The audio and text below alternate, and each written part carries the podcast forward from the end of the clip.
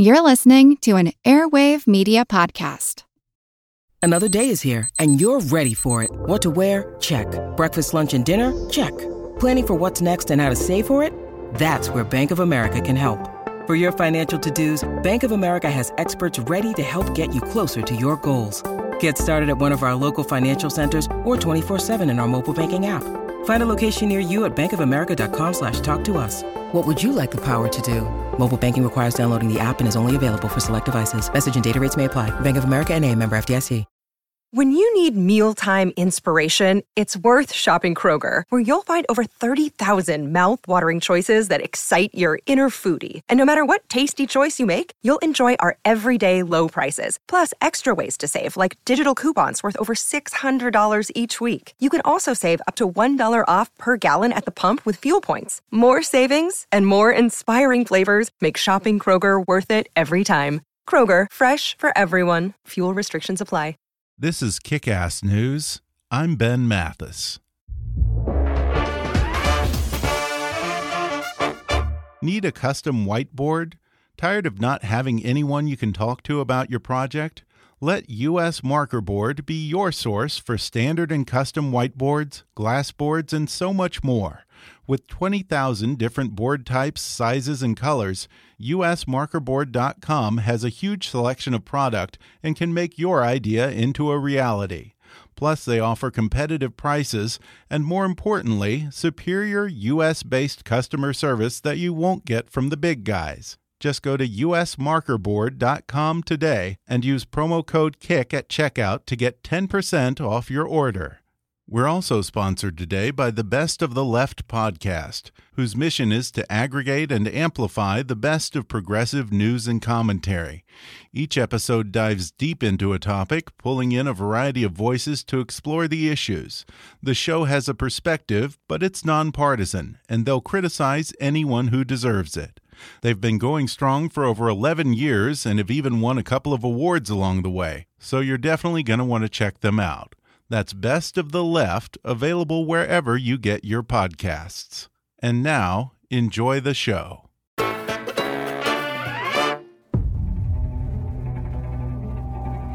The survival of our species has always depended on advances in agriculture. So, how do we make the most informed decisions about how we feed ourselves? The three most terrifying letters in the English language are GMO. I wondered how many people really know what they are. I don't know. I know it's bad. Genetic engineering is a modern form of breeding. The goal is to add useful traits into food. I am concerned about some of the health issues related to GMOs. More colds, autism, susceptibility to hepatitis, cancer, HIV. There's absolutely no proof to a health hazard.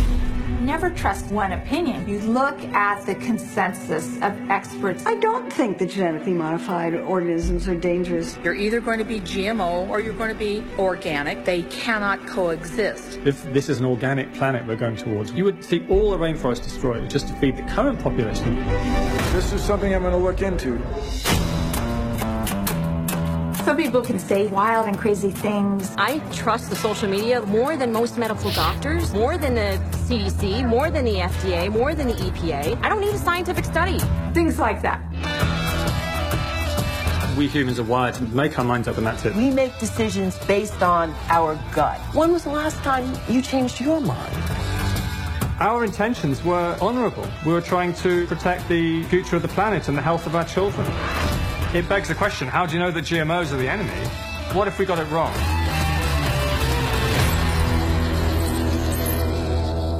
The good thing about science is that it's true whether or not you believe in it. You see, that's the. Hi, I'm Ben Mathis, and welcome to Kick Ass News. That was a clip from the new feature film documentary from Oscar nominated filmmaker Scott Hamilton Kennedy called Food Evolution. Amidst a brutally polarized debate marked by passion, suspicion, and confusion, Food Evolution explores the controversy surrounding GMOs in food. Traveling from Hawaiian papaya groves to banana farms in Uganda to the cornfields of Iowa, The film, narrated by esteemed science communicator Neil deGrasse Tyson, wrestles with the emotions and science driving one of the most heated arguments of our time and shows how easily misinformation, confusion, and fear can overwhelm objective analysis. In the GMO debate, both pro and anti camps claim science is on their side, but who is right? How do we ensure that our food supply is safe and that everyone has enough to eat? How do we feed the world while also protecting the planet? Has genetic engineering increased or decreased pesticide use? Are GMO foods bad for your health? And most importantly, what data, evidence, and sources are we using to approach these important questions? Today, the filmmaker behind Food Evolution joins me on the podcast to answer some of these questions. Academy Award nominee Scott Hamilton Kennedy is a writer, director, producer, and editor of both documentaries and scripted films. His documentary work includes the Oscar nominated film The Garden, which tells the story of the complicated struggle over the nation's largest community garden. His film OT, Our Town, about the first play in 25 years at Dominguez High School in Compton, which was nominated for an Independent Spirit Award, and the critically acclaimed Fame High, which follows four students through a year at one of the most respected and competitive performing arts high schools in the country. Today, he talks about his latest film that tackles the controversial subject of genetically modified organisms, or GMOs. He explains exactly what GMOs are and whether there's any scientific evidence at all that they harm humans or the environment. He'll discuss how Hawaii became ground zero for the debate over GMOs and how a misguided ban in Uganda threatened to ruin farmers and starve one third of that country's population. We talk about who's fueling the alarmism over GMOs, what motivates them, and the problems facing scientists and science communicators who are trying to combat anti GMO hysteria with facts and data. He debunks the infamous Seralini study that says GMOs cause cancer and reveals the truth behind claims that GMOs have increased harmful pesticides plus some of the remarkable things that scientists are working on with GMOs, the nightmarish scenario of what would happen if GMO protesters got their way and the whole world went organic, plus some of the remarkable things that scientists are working on with GMOs, the nightmare scenario of what would happen if GMO protesters got their way and the whole world went organic, and of course, we'll talk about Monsanto and why some people want you to believe the company is evil incarnate. Coming up with filmmaker and champion of science, Scott Hamilton Kennedy, in just a moment.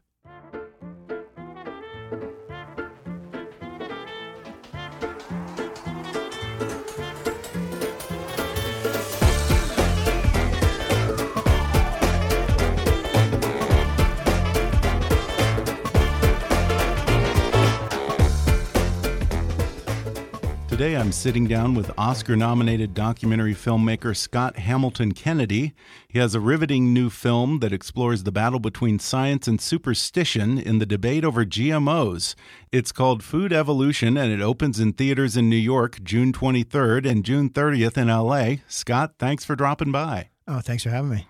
The film is narrated by a recent guest of the show, Dr. Neil deGrasse Tyson, the amazing Neil. Mm. Uh, this really isn't in his wheelhouse as an astrophysicist. So, why was he the right guy to deliver this message? And how did you convince NDT to come on board this project? Oh, it was the best thing that happened to the film. Uh, he's probably our greatest living science communicator. Mm -hmm. I think mm-hmm. that's a safe thing to say, uh, at least in the United States. And I don't mean any insults to anybody I'm leaving off that, that list, but that's why he did the film. Mm-hmm. right? Is he when when people ask him, "So are you still pro GMO?" He said he tells me people corner him at uh, at book signings and things like that, and he'll have some wonderful, well intentioned liberals come up to him and say, "You still you still pro GMO?" He says, "I'm not pro GMO. I'm pro science," and the science tells us that the current GMOs on the market are safe for, for us and safe for the planet. So he's a defender of science. So the film on the surface is a reset of the conversation around GMOs and the controversy, but it's really a metaphor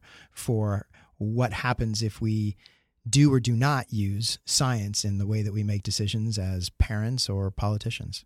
Now, as a filmmaker, did you go into this project with a particular opinion on GMO, or was your point of view informed by the process? It's a great question. Um, a little bit of both. I it's sort of a combination of I didn't know much about GMO, so I learned a great deal. Uh, some of the scientists on the film uh, joked that we that Trace and I, the my co-producer and co-writer, uh, should have a honorary master's in uh, in in um, in uh, biotechnology.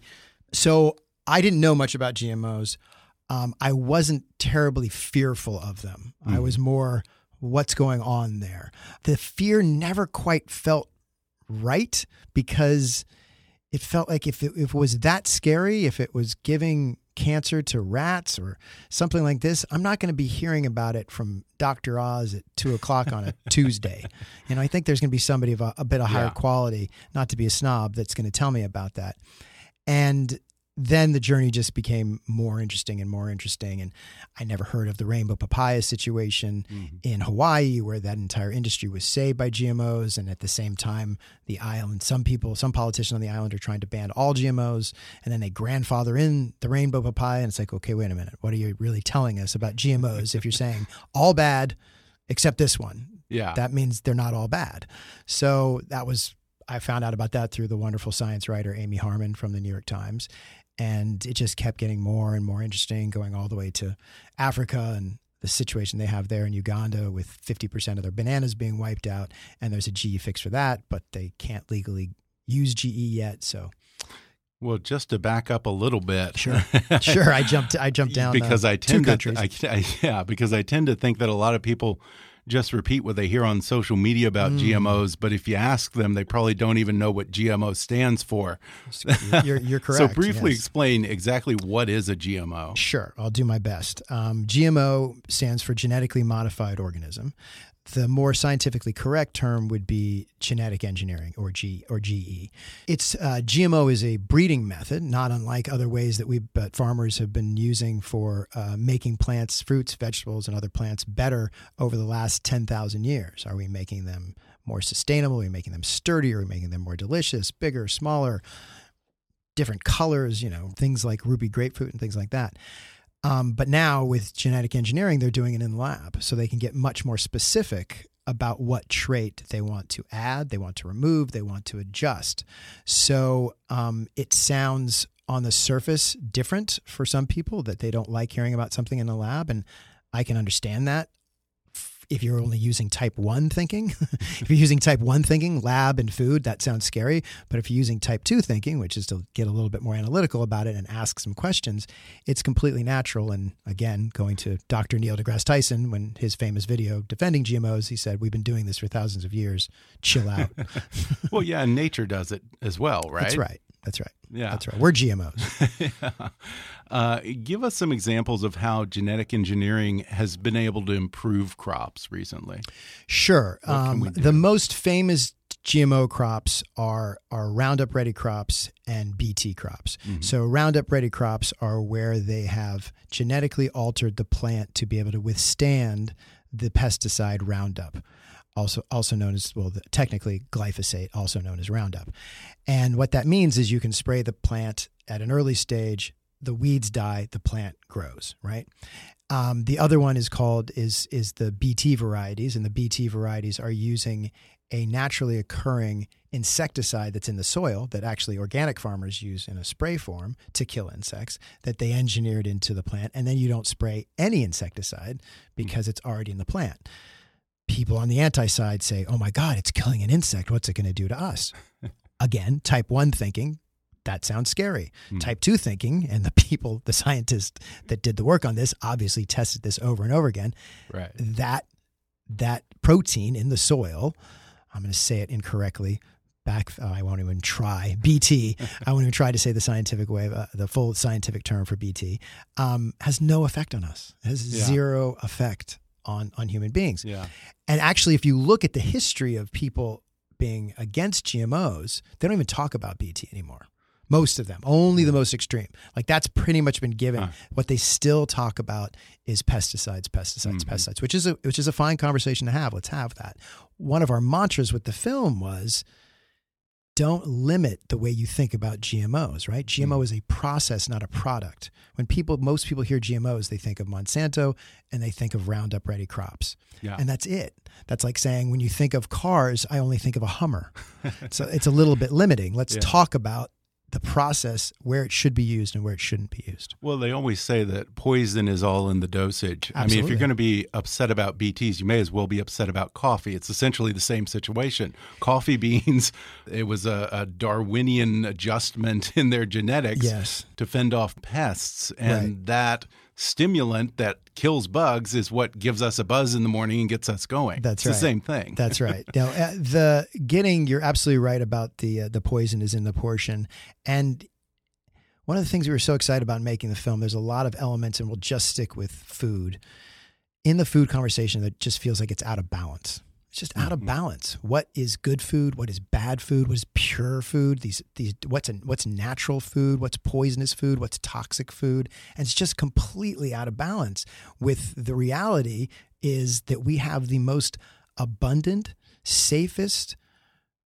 beautiful variety of food available to us in the history of mankind. Now, somebody's going to come back at me and say, "How can you say beautiful when there's so much processed food?" That's a longer conversation, and and that is an issue, right? Hmm. But that doesn't mean that we still don't have an incredible amount of safe food available to us. So, what I like to ask people is, which is more important for my kids to eat? Organic fruits and vegetables, or that they eat fruits and vegetables. Yeah. And the science clearly says eat your fruits and vegetables. Wash your fruits and vegetables if you're concerned about pesticides. That's very, very important. Do wash your fruits and vegetables.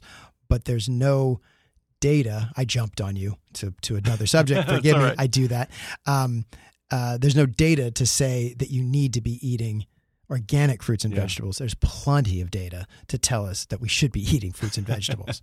Well, let's just start by cutting to the chase then. One by one, let's go down the list. Is there any scientific evidence that GMOs cause disease or pose any kind of health risk to humans? So you need to. Uh, I would be remiss if I didn't break that down into pieces. The- Okay. The, easy answer is no. so the easy answer is currently all of GMO products that are on the market, and it's only about nine of them, um, are have been determined safe for consumption and safe for the planet by thousands and thousands of studies and scientific organizations like the AAAS and NAS and all across Europe. And the way I like to put it is people that have come to respect those same organizations, the NAS, AAAS, and, and others, to give us information about climate change. And they believe that information about climate change. If those same organizations are telling us exactly what I just said, that GMOs are safe for us and safe for the planet currently, take the rest of them on case by case basis. Where's the disconnect? Why do you listen to the science on climate and you Yeah. deny the science on this? Yeah, because it's ought to have outside. brought some credibility with you. That's right. It's it's confirmation bias, and like it, it works for their the way that they see the world on one thing, and it doesn't work for another one, Mm-hmm.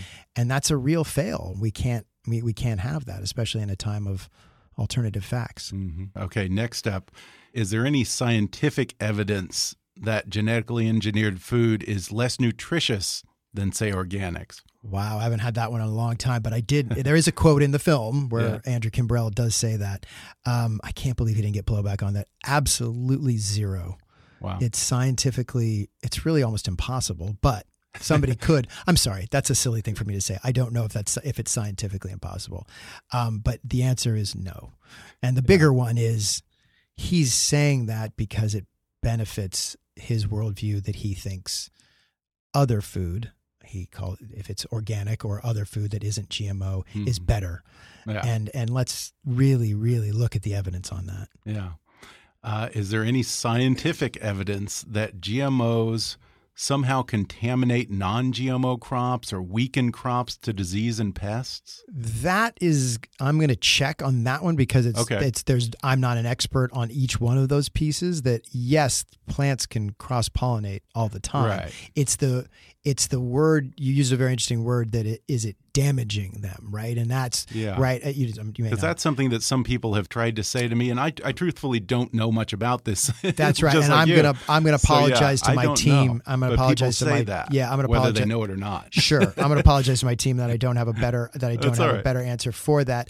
But the the the question is, is it causing harm to Mhm. those plants? Is there any again scientific evidence that GMOs are worse for the environment than organics or any other type of pesticide? Again, a huge question that we have to, to that we have to peel back. So, um, currently, the if you look at just um, if you look at just BT crops, for Mhm. example, right? So BT crops are in corn, soy, and cotton, and they have removed thousands, millions, and millions of tons of pesticides that was being sprayed before. So that's a huge net positive.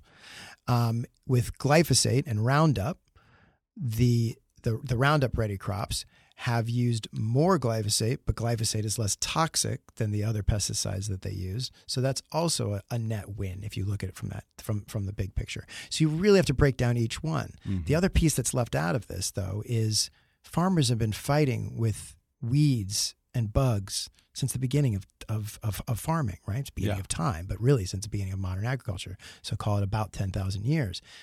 So organic farmers still have to fight with insects and weeds. they do it Yeah. using or, or what are organically approved means. Some of those are toxic. And I'm not saying Right. that to scare anybody. I'm saying wash your fruits and veggies and trust in Yeah. or, organizations like the USDA to tell us both what is organically uh, acceptable and what is safe for other farmers to use. So it's just a very nuanced Yeah. conversation, and you got to look at the the entire piece of it. But again, we have very very safe food available to us. Don't just think one is magically better than another. Yeah, and people forget that you know just because it's organic doesn't mean an organic pesticide is any better That's for you than a chemical one. I mean, you know, poisons like hemlock are naturally occurring poisons. That's right. Right. Copper sulfate is used in Yeah. organic farming and is is, Mhm. is is very toxic. Um, but they use it safely. I trust that most farmers are doing their best to use it safely, and and they they need that or they're going to lose their crop. Now, the anti-GMO movement points to something called the Seralini study as their big scientific evidence that GMOs are dangerous. What did that research purport to find, and more importantly, is it credible? Sure, we're very proud of the fact that I think we're the first film to uh, point out the failings of of that study. Um, in science, one of the most important things you do is to, to in good science. You don't promise results, right? You don't come to a study with this is what I'm looking to find. You come to it and you say you might have a hypothesis, but you don't know where that hypothesis is going to go. Right. In Seralini's case, he used rats and fed them GMO corn, and he used rats that had a propensity for getting tumors after a long period of time, no matter what they ate. And sadly, even worse than that, he kept them alive longer than most scientists would to get the Huh. tumors even bigger. So they Oh, looked really? really, really scary, right?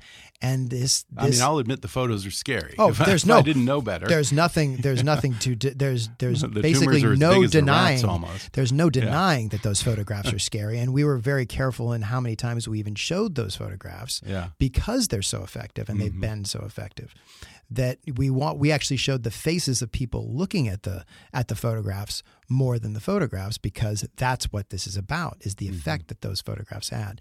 So he um, had a, held a press conference. He didn't allow any other scientists to be there to question his work.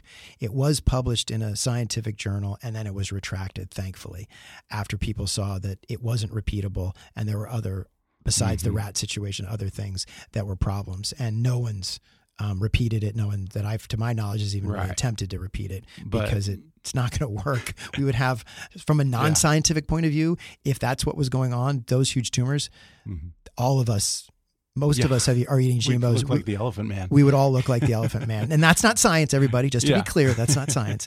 But uh, yes, it's a it's a failed study, Yeah. and it's a shame that people use But it's still out there. And it's still getting oxygen. absolutely a lot less, Mhm. a lot That's less good. oxygen. Absolutely, good. absolutely, a lot less oxygen than it used to because there are people that are even anti-GMO or anti-Monsanto in other ways that have said, well, this study doesn't stand. We can have Mhm. other issues with, uh, with with with the technology. We can have other issues with what they see as big food, right? Mhm. I just made a mistake right there by saying GMO and Monsanto, right? That was one of the again one of our mantras. Monsanto doesn't own GMO, Right. Right, and Right. we need to separate these. Uh, we need to separate these things, and I even just fell into it.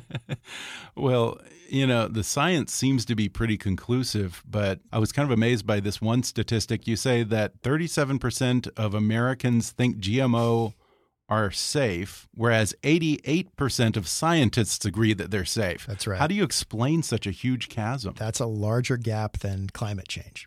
Wow. Denial. Um, I can only explain it by um, incredible communication on the fear mongering side. Mhm. Uh, it's it's not it's on the surface you say GMO you say genetically modified organism and you and it just doesn't sound terribly pleasant right I mean it's not it doesn't sound like you know uh, a raspberry frappe um, so uh, there's a few things that went against it, but a great deal of fear mongering um, from one side.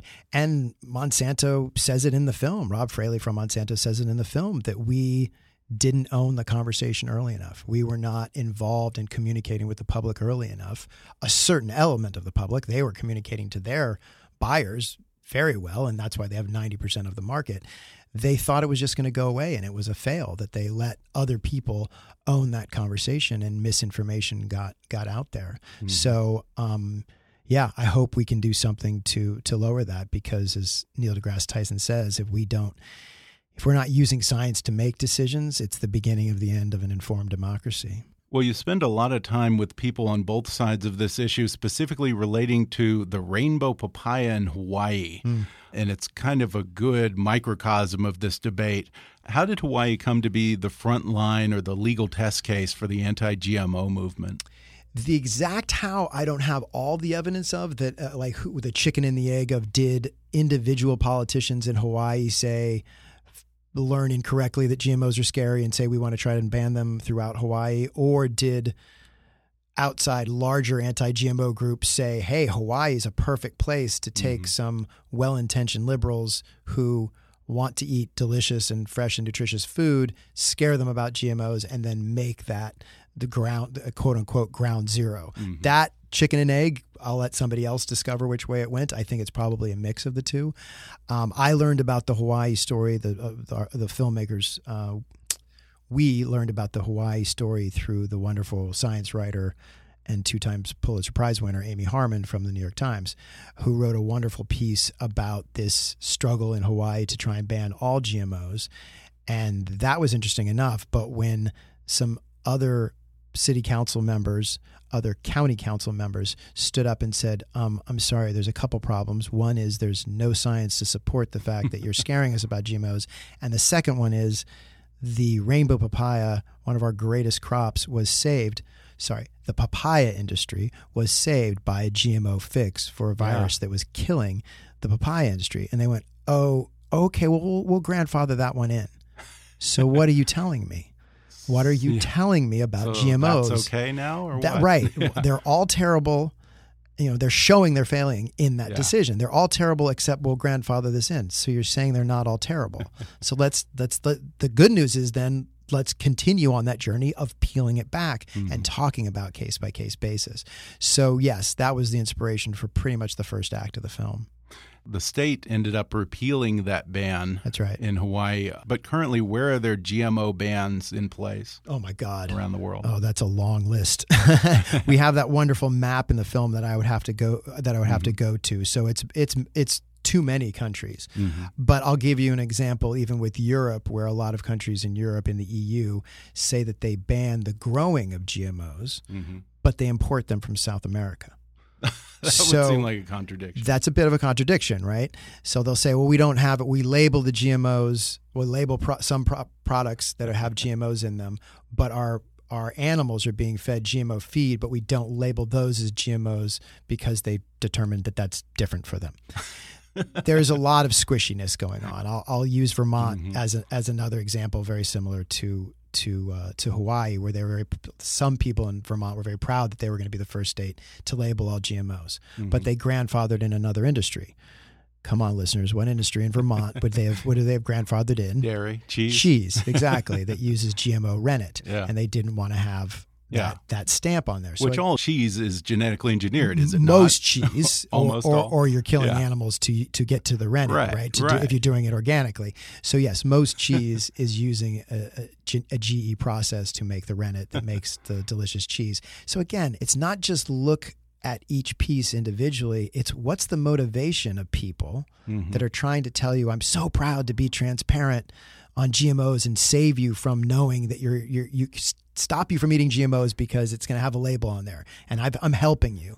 And then you're saying, but I'm not telling you about the GMOs in this cheese. What do you really communicate Huh. to people? And it goes to, you know, one of the biggest questions, not that only we had in the film, but what I have as a filmmaker and a journalist asking the world: How do we tell the difference Mhm. between an honest broker and a dishonest Yeah. one? How in this day and age, how do we tell the difference? And data helps. And one of the places that banned GMOs for a while was Uganda, where they had, uh, I guess, some sort of a banana blight that one person referred to as the equivalent of Ebola. to the banana industry. Yes, yes, it's um, it's the banana wilt virus in in Uganda that's wiped out approximately 50% of this certain banana and bananas by most estimates are about 30% of the caloric intake of most people in in Uganda. Wow. especially uh, uh, the most who have the least as we put it. Um, and it's yeah it's a terrible situation and they've tried lots of different ways to to, to curb it. And somebody inspired a bit by what uh, Dennis Gonsalves did with the rainbow papaya in Hawaii is figured out a way to inoculate this banana against the virus. And it's working. And there are field trials, as we show in the film, where the bananas are thriving. These GE bananas are thriving, um, but they don't, they can't legally give them to farmers yet because there's not a bill in place. It's actually two stages. There's not a bill in place in Uganda to even consider GMOs, and then they can vote on it. And mostly Wow. we've seen that outside forces in the United States and Europe have done direct fear mongering going to places like Africa to stop that kind of legislation from being pushed through. Wow. And meanwhile, farmers are losing their crops, people are starving. It's it's a it's a sincere uh, food crisis Yeah. situation that um, and it's an interesting way of looking at. We've been very proud of uh, doing a very unscientific poll in in screening the film. Before the film, we asked members of the audience how many of you fear GMOs for yourself and Mm-hmm. uh, or or for the environment, and we ask the same question again. And usually we get about call it 30% of the audience that might hold their hands up and say they fear GMOs. And then afterwards, of that 30%, it's usually at least 50% that we've convinced to not be Mhm. scared anymore. But there's still some people that have their hands up, and that's a fine, that's a fine conversation. What's the extra interesting question is when we say, okay, but how many of you think that the farmers in Africa have the right to choose GMOs to stop this tor- terrible blight with the bananas? 100% hands go up. Oh, really? Right. And again, it goes back to the irony of so what are you saying? if you're saying you're Yeah. still scared, then what are you saying about the, the decision to use it in Africa? Are you saying that's only okay if it's a 911 situation? That's only okay for those people? I mean, it's dangerous Yeah. what that that that Im- implies, but I'm very happy that in terms of empathy and the science that we present in the film that they are available to using GMO in a way beyond the way they may have thought about it in the beginning of the film. Yeah, because the whole GMO debate really is a first world luxury. yes, it's absolutely a first world uh, situation um, to the point where I use a, a Woody Allen joke, if I may. Uh, in Annie Hall, he he lowers a girl he's trying to talk up to a Upper West Side Jewish cliche, and he's he's doubling back on himself, trying to not sound, you know, get make it any worse. And he goes, uh, "Yes, I'm a, I'm I'm a bigot, but for the left." And and sometimes I think of that in this situation where it's like, are we being privileged? Are we being righteous? Are we being Yeah. uh, hypocritical, but for the left? Yeah. There does seem to be something insidious when you have people who are deliberately misinforming moms and making them feel guilty about giving their Oh, it's kids non GMOs. Um, I want to talk about a few of the biggest perpetrators of this fraud. First, tell us a little bit about a man named Jeffrey Smith. Oh boy. Who is he? Oh boy, Jeffrey Smith has become an icon in the anti-GMO world. Um, he's a performer. I think is the is the first way I'd like to describe him. When we first turned the cameras on him at the Heirloom Festival in Santa Rosa, California, he talked for about twenty minutes before I asked a question. It was just like Really? the camera was on, and he just went into his his uh, diatribe. So he's a prof- I don't know how else to describe him. I'm sorry. I'll try again. I'll try to describe him how he describes himself. He would describe himself as a as a journalist. He's also a documentarian. He makes he, he makes he makes documentaries on but not a subjects. scientist, right? He's definitely not a scientist. He's definitely not a doctor. Um, he gets called doctor sometimes on Doctor Oz and and is is corrected. And he was asked if he was a doctor in testimony in Hawaii. He goes, he didn't say no. He said, "Oh no, Jeffrey's fine." If they should call him doctor, he didn't say no, but Wow. he does say no in the film. He says absolutely no in the, in the film. Um, I think people like Jeffrey Smith think he's Woodward and Bernstein. I don't know if he's convinced himself of that, but he thinks that way. And it makes it seem like I'm taking on the man and I'm I'm speaking truth to power and I'm really just spinning fear for for my own ends. And it's a it's a shame Yeah. because you're abusing so many different layers of of communication, journalism, trust, fear mongering. Well, yeah, and let's talk about that abuse. What are some of the things that he claims GMOs do? Oh my God! Well, you heard it in the film. He said he said that they they increase your chances of getting a- HIV. He says might. He does say Might. might, Okay. but then he follows it up by saying this is completely backed by peer reviewed data, which it isn't. um, he says terrible things. He says that it'll give you leaky gut, and uh, the the BT the BT will will. I mean, just horrible, Yeah. horrible, horrible fear mongering. Yeah, cancer. I think even heart disease. Um, Heart disease, yeah. But when he said HIV, and Yeah, it's like, wait a minute. I'm sorry, HIV doesn't. That's not Yeah. even scientifically how HIV is transferred. so, um, yeah, he shows his cards in a in a in a few ways, and yeah, I think he's just using fear to try and further his his brand and and his point of view. I, I've seen him eat consume food and he is very meticulous about not eating GMOs. Oh, really? I've seen that. Okay, so he I- I- practices what he He preaches. practices what he preaches preaches if it's not to the point of being kind of annoying. Yeah. Um so that that that part I've witnessed. Yeah. I don't I'm not sure what motivates him. It's it's really really tricky and I um. Well, you do say that he sells a lot of books on his website. Absolutely. And uh, I forget what else. He has a documentary that he made, yes, something like that. Yeah, yes, he's he made a, a genetic roulette. Yeah. So this is a full time job for him, would you not? Oh say? yeah, speaking fees and all of that. Of course, I'm being. Uh, I, I, I'm dancing around the fact that yes, I do think what motivates him is furthering his brand, which also increases his cash in his pocket. How about Zen Honeycutt? She says that she trusts most mom blogs more than medical doctors. She's a big leader in this movement too, yes, right? she works with an organization called Moms Across America. Um, yeah, Zen is a tricky one too, and she, I, I want to give her credit for you know as a parent to parent that she it was trying in the beginning to look for answers for her kids. I guess she talks about her kids had rashes and things like that, and they went on a non-GMO diet, and that fixed it. And maybe it did. I don't know. I wasn't. I wasn't there, but it But it could also be a million other things. that's exactly right. There's no evidence to support. There's yeah, necessarily. yeah. correlation does not equal causation. Exactly right. Neil, he's he's got he's getting to all of us. Um, and so I, I do know that she fearmongers. I do know that she's put you know terrible studies on online about saying that she's you know has proof that with urine samples and things like this that somebody has a higher risk of getting cancer. And there's just no scientific evidence to support that. And fear mongering is just a terrible it's a terrible terrible thing you know? Yeah. one of the reasons i made the film is i feel that a lot of parents again probably mostly privileged parents uh, have their shoulders up in their ears of like I, I, am i making the right decisions about food? Am i making, making the right decisions about where to send my kid to school? Should it be Mhm. public school? Should it be a charter school? Should it be a magnet? Am i am i getting them the the best that's going to put them on this magic carpet ride to you know becoming a president without any pain in their life? And it's like that that journey doesn't exist. Yeah. you know as Brené Brown wonderful sociologist Brené Brown says about what we're supposed to do as parents is to say life is hard. I'm going to badly uh, paraphrase this life is hard and you're enough. You're worthy of this struggle with life. And and and we love you and we hope that we can help you deal with this struggle of life not protect you from unknown fears and, and things like that. So it's a shame. One of the most interesting people in the film is a guy named Mark Lynas. He's a science writer who was a very active protester against GMO, mm-hmm. even was going out in fields vandalizing and destroying GMO crops. But then he switched sides. What was the evolution of his thinking on this issue? he looked at the science that made him look at climate change and say climate change exists and I'm going to make decisions based on that science to try and curb climate change as best that I can as as a, as a science activist and as, a, as an environmentalist and as a writer.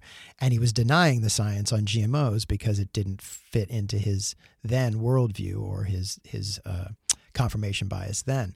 Um, and he changed. He said I couldn't deal with that you know hypocrisy if we're going back to the Woody Allen joke he couldn't deal with that that hypocrisy of saying I'm accepting science on one issue and I'm not accepting science on the other and he changed his mind which a is science, you know, change your mind when you see data to, to, to that's going to help you change it, even if that data did exist earlier and he didn't change his mind. But he still, and also just as human beings, what a wonderful thing that we can mm. do as human beings is that we can change our mind. Yeah, right. That that's available to us, and it's very very hard. Right, yeah. as as the wonderful journalist uh, Tamar Haspel says in the film. You know, when was the last time that you changed your mind about something? And it's it's it's difficult um, to go and, and find when how rare that is that, that we do it. So my hat actually goes off to Mark Lynas mm-hmm. that that he did that. It's yeah. not an easy thing to do. Uh, some people would could still be frustrated that you know why should we forgive him? But that's that's also a beautiful thing that we can do as human beings. We can forgive and we can mm-hmm. try to get better as we go down this this difficult path if the science doesn't support the beliefs of the anti GMO crowd, then there have to be other reasons for this. Is it maybe a case of people are conflating GMO with other issues, such as their maybe their fear of multinational corporations, their distrust of big pharma, outrage over corporate greed? Is that part of what's at play here? Oh, absolutely. Yeah. Um, and another wonderful science and uh, food journalist, Nathaniel Johnson, with grist says that in the, says that in the film. He says that it's a that it's become a metaphor for other for bigger issues. Mm-hmm. So again, going to type 1 versus type 2 thinking, type 1 thinking would be big food bad, big food equals big profit equals influencing government and you can go down this rabbit hole of I can't trust anybody. And again, I'll go back to Nathaniel Johnson when he started he did a 26 part series just on GMOs for grist. A, my hat's off to Grist for allowing him to do it, and my hat's further off to him for digging in and digging in. And just a tiny piece of that was him looking at the checks and balances organizations, the FDA, USDA, places mm-hmm. like that. And he he had his own liberal bias and was like, "Oh, are these places going to be bought off?" He was cynical at first, like, "Is this am I going to find evidence to say, damn it, we can't trust them. They mm-hmm. are bought off by big money." But when he goes and looks after years and years and cases of cases, their batting average is excellent at doing what they're supposed to be doing. Does that mean they're perfect? There's no such thing. Hmm. Perfect is the enemy of the good, as Voltaire would say, right? that uh, that he, but he, but he was convinced that they are working, and I want to get on that bus. I want to get on that bus that says I don't want to throw something out because I think it's big and it's government and it's evil. I want to look at the data and help me decide is it actually helping me protect myself, protect the planet, protect my kids? Um, and I mean, I, I, laugh with some of my friends that like one of the most controversial things you could do at a hipster cocktail party in a liberal enclave like Silver Lake, California, where I live, would be to say, "Hey, guess what? I trust in my government." It's like, oh my god, people's heads would explode, and that's what we're saying at the end yeah. of that conversation with those particular organizations. And again, is greed dangerous? Hear me out. Yes, very clearly, greed is dangerous. Money has influence more than we want it to, but that doesn't mean that aren't there aren't systems and people in place trying their best mm. to fend that off. Why has Monsanto been elevated to almost the level of a comical supervillain? What's behind that? Well, um, I think you're going to need to ask Monsanto too. But uh, from our experience, um, they failed at not getting in front of the conversation. Really? And, and, Robb Fraley was nice enough, to, was humble enough at least. Robb Fraley from Monsanto says that in the film, mm-hmm. that he says we should have. I ask him, you know, what should you have done differently? And he says we should have been more upfront c- communicating with the public. Mm-hmm. And they communicated with their farmers. And again, the farmers found their products to be very, very helpful. And that's what turned some of their products into being used by 90% of, you know, so soy, corn, and uh, and cotton farmers in the United States and around the world.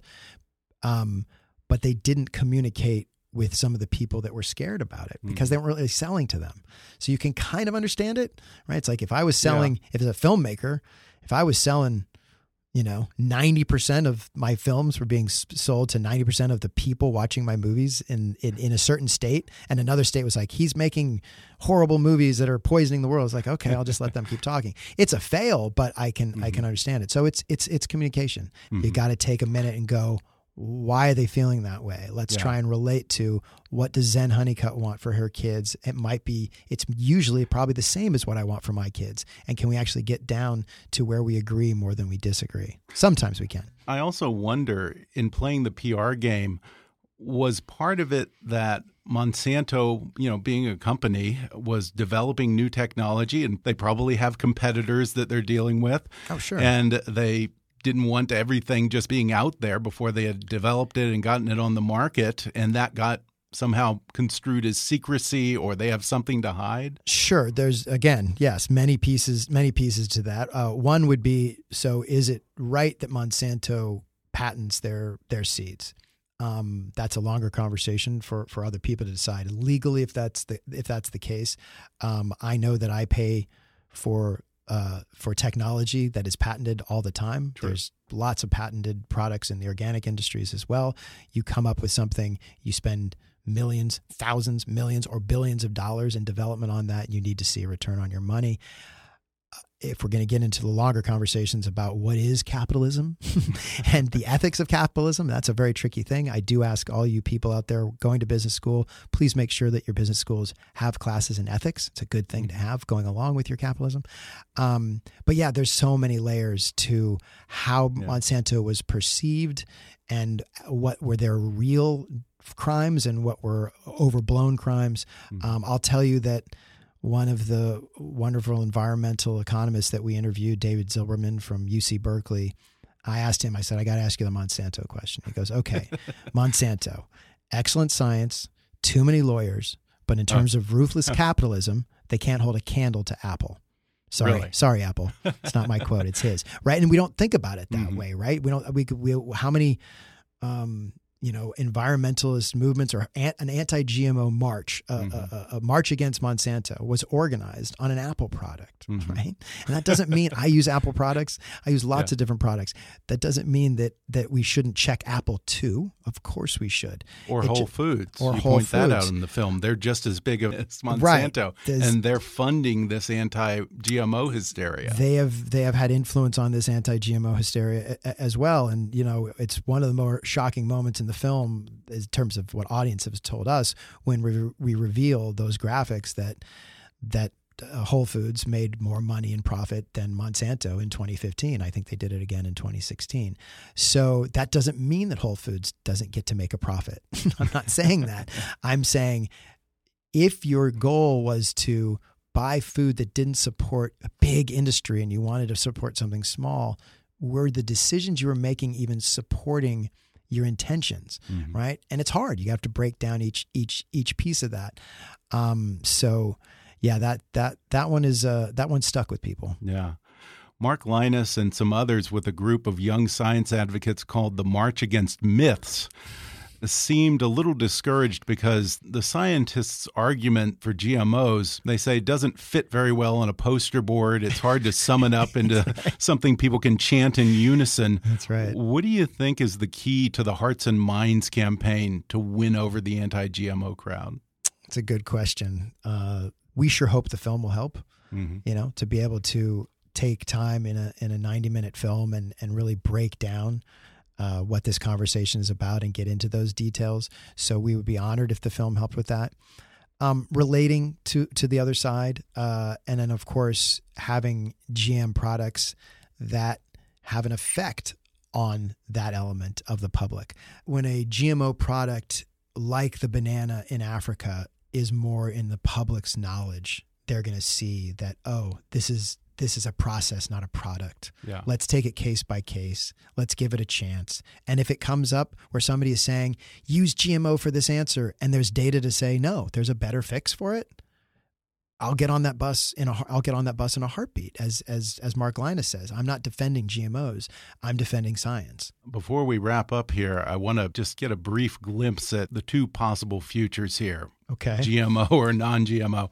Um, what's possible in the near future through genetic engineering? some of the technology that's on the table is there's a GE mosquito that's in development. Actually, I think it's mostly uh, already seeing success that could stop things like Zika because it would kill yeah. off the bad mosquitoes and, and let the other ones live. Um, wow. There's a terrible citrus greening disease that's that's that's wiping out citrus in Florida, Arizona, and a couple other states. That there's a GE fix that's in the works for allergy resistant peanuts that are in the works. So it's it's a technology. yeah, it's a technology. It's not um, it's not it's not magic. It's a technology mm-hmm. that's being used. And another double edge of the I hate Monsanto because they made billions of dollars off of this this technology that they put billions of dollars into to develop is well let's make it cheaper to do GMO mm-hmm. by not fear mongering about it so that the right. blue sky scientists at our public sector universities can be doing GMO on on things like drought resistant rice, like Pam Ronald at UC mm-hmm. Davis, and other ideas that we don't even know about. Right? That's another yeah. Neil deGrasse Tyson quote. There's there's something being worked on right now that we don't even know. A scientist yeah. is working on right now that we don't even know how much it's going to mean to us. Yeah, I was amazed. Uh, apparently, they even either have or are working on a strain of golden rice that has an extra high dose of vitamin A that's right. To help starving children in Africa and elsewhere. Uh, yeah, in the far in the Far East, and mm-hmm. it's it's close to being pu- pushed through. They've been working on that for a long time, but to be able to take a staple crop like rice, where sometimes it's 30, 40, 50 percent maybe higher of, of someone's caloric intake for the day yeah. and has very very low nu- nutri- nutrient and is very low in terms of how much nutrients it's have and increase that to lower blindness, where, I don't see the downside yeah. in that. Is it going to work? That's a longer conversation. Mm-hmm. Is it going to be accepted by the people there and taste as delicious as their other rice and be accepted? That's that's trick. That's the trickier conversation. Is yeah. the science going to work? But who would be against that? I don't. I just don't. I just don't understand. Or at least as a choice, right? Another way of looking at this yeah. thing is if you looked at a farmer growing GMO crops and a farmer growing organic because usually a farmer who's going organic isn't yelling at the farmer who's going GMO because they know how hard it is. Mm-hmm. They, they've just the farmer who's going organic usually yeah. made that decision based on finances. Some of them are doing it with more passion, but the person who's supporting organic, not the farmer, the person who's supporting organic and saying GMOs are bad, and then you look at the person growing GMOs and somebody that supports GMOs. Has, have you ever seen somebody that grows GMOs saying you shouldn't grow organically? I've never heard that. So yeah. why isn't it equal in both in both ways in terms right. of leaving somebody the choice until we see that something is dangerous, the choice to farm the way that they want yeah. to farm. And GMO is now so prevalent in agriculture. I mean, you say that I think 90% of corn, soy, cotton are grown with Roundup ready seeds. Let's look at the flip side of this and say, what if GMOs were, say, banned by the UN worldwide. That's right. What would be the fallout from that? It would be worse. Yeah. You would be using harsher pesticides yeah. than glyphosate to to have that food. Mm-hmm. Somebody else, some people will try to say that we could make this an all organic world. By all of the research we have done and the evidence that we have seen, that is just not doable. We would it would take mm-hmm. more land, it would right. take more natural fertilizer and poop getting down to the to, yeah. to conversations about poop that we don't need to have on, on, this. Yeah. So, but I mean, how much more land are we talking? Two, three times as much land to grow the by, same amount of crops, the same amount of food organically? yes, by by by certain studies, and don't quote me on this. We'd have to go back to the studies. It would take at least fifty percent, sometimes hundred percent, sometimes more land wow. to grow those same crops. Wow, which and, isn't good for the environment. Which is, of course, not good for the environment. You're going to be knocking down more yeah. trees. So again, wow. it's but the yes and not to yeah. to say the yes and of this is that organic farming is is a is organic farming is a practice that should be used and will mm-hmm. continue to be used and it makes us look at farming in another way the question is if you're trying to say that it's the ultimate farming mm-hmm. or that other type of farming is evil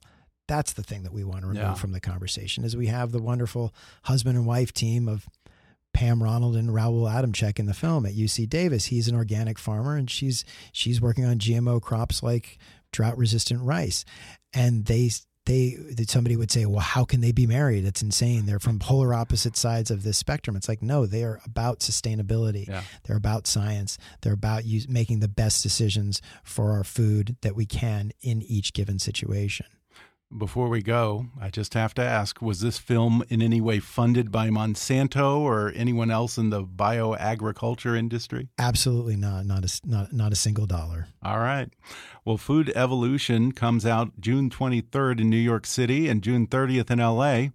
Scott Hamilton Kennedy, thanks so much for talking with me. That was just fun. Thank you. Thanks again to Scott Hamilton Kennedy for joining me on the podcast. Food Evolution opens in New York on June 23rd and June 30th in Los Angeles. For more information, visit foodevolutionmovie.com and follow the film on Twitter at, at FoodEVOMovie.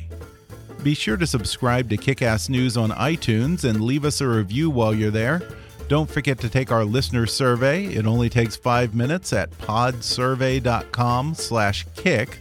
You can visit Kickass News on Facebook and follow us on Twitter at, at KickassNewsPod.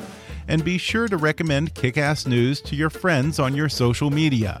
And if you really want to help out, then donate to our GoFundMe campaign at gofundme.com slash kickassnews or click on the donate button at kickassnews.com. As always, I welcome your comments, questions, and suggestions at comments at kickassnews.com.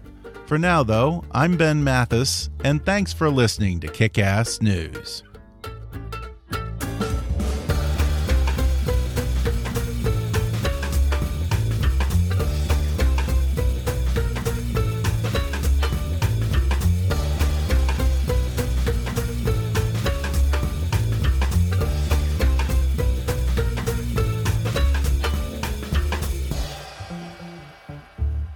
Kick News is a trademark of Mathis Entertainment, Inc.